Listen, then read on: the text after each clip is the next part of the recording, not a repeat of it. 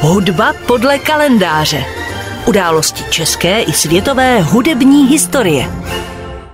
Dnešní pořad Hudba podle kalendáře připomene norského hudebního skladatele Edvarda Hagerupa Griega, který se narodil 15. června 1843, tedy před rovnými 180 lety. Je považován za největšího norského skladatele vůbec. Jeho hudba vychází z národních tradic Norska a především čerpá z norské lidové hudby. Grieg se proslavil zejména jako autor drobných lirických skladeb a písní pro klavír a housle, sonát a orchestrálních svit. Edward Hagerup Grieg se narodil a většinu života prožil v Bergenu. Jeho otec Alexander Grieg, původem Scott, byl obchodníkem a zastával také funkci britského čestného konzula.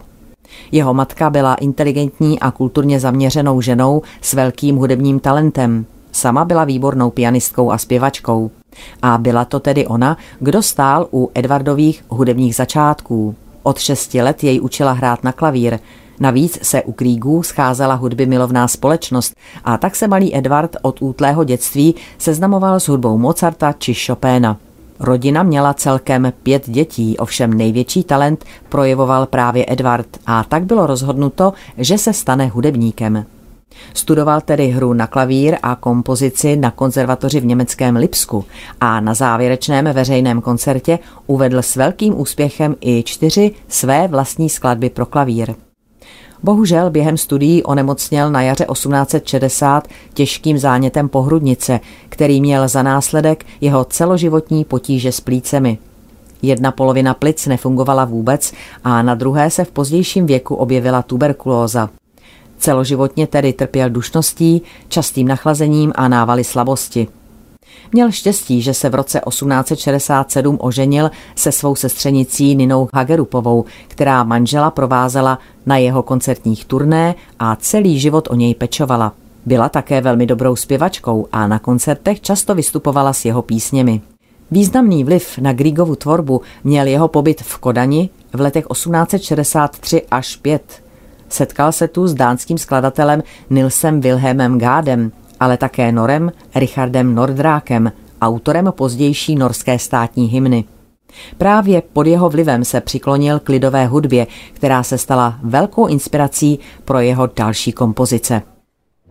Jedním z bezesporu nejvýznamnějších děl Edvarda Hagerupa Griega je jeho koncert pro klavír a opus 16, z něhož teď v podání Alice Sáry Ot a symfonického orchestru Bavorského rozhlasu, který řídil Esa Pekka Salonen, zazněla třetí závěrečná věta. Grieg jej napsal v roce 1868 a v témže roce se také setkal s Ferencem Listem, který se neskrýval se svým obdivem k jeho tvorbě a podporoval jej. Grieg se také zpřátelil se spisovatelem Björnsonem, na jehož texty napsal několik písní, například kantátu před branou kláštera a scénickou hudbu k dramatu Sigur Jorsalfart. Spolupracoval též s Henrikem Ibsenem, pro kterého v roce 1874 napsal scénickou hudbu k dramatu Per Gynt, z jejíž druhé části pochází slavná Solvejžina píseň. V 90. letech 19. století se o Griega začala zajímat také cizina a tak podnikl řadu zahraničních koncertních cest, ať už jako klavírista či dirigent. Grieg miloval norskou přírodu, hory a fjordy. V roce 1884 si nechal postavit dům na Trondhaugenu u jezera Norda nedaleko Bergenu, odkud podnikal časté výlety, ale též se tu mohl v naprosté izolaci věnovat tvorbě. Zimní měsíce ovšem trávil kvůli zdraví v mírnějším podnebí, Lipsku, Kodani, Oslu anebo na koncertních cestách po Evropě. V letech 1885 až 1907 navštívil téměř všechna hlavní města Evropy, včetně Prahy. Dostalo se mu uznání a veřejných poct. Byl jmenován čestným doktorem univerzity v Cambridge i univerzity v Oxfordu. Byl členem Akademie umění v Paříži a v Berlíně – v roce 1898 byl z jeho iniciativy v Bergenu uspořádán první norský hudební festival. Svou poslední skladbu, čtvrtý ze žalmů v Království nebes opus 74, ukončil v prosinci 1906. V dubnu 1907 koncertoval Grieg v Kýlu a přijal pozvání na vystoupení v Lícu, které však už nemohl uskutečnit. Zemřel 4. září 1907 v bergenské nemocnici. Jeho pohřbu se zúčastnili tisíce lidí.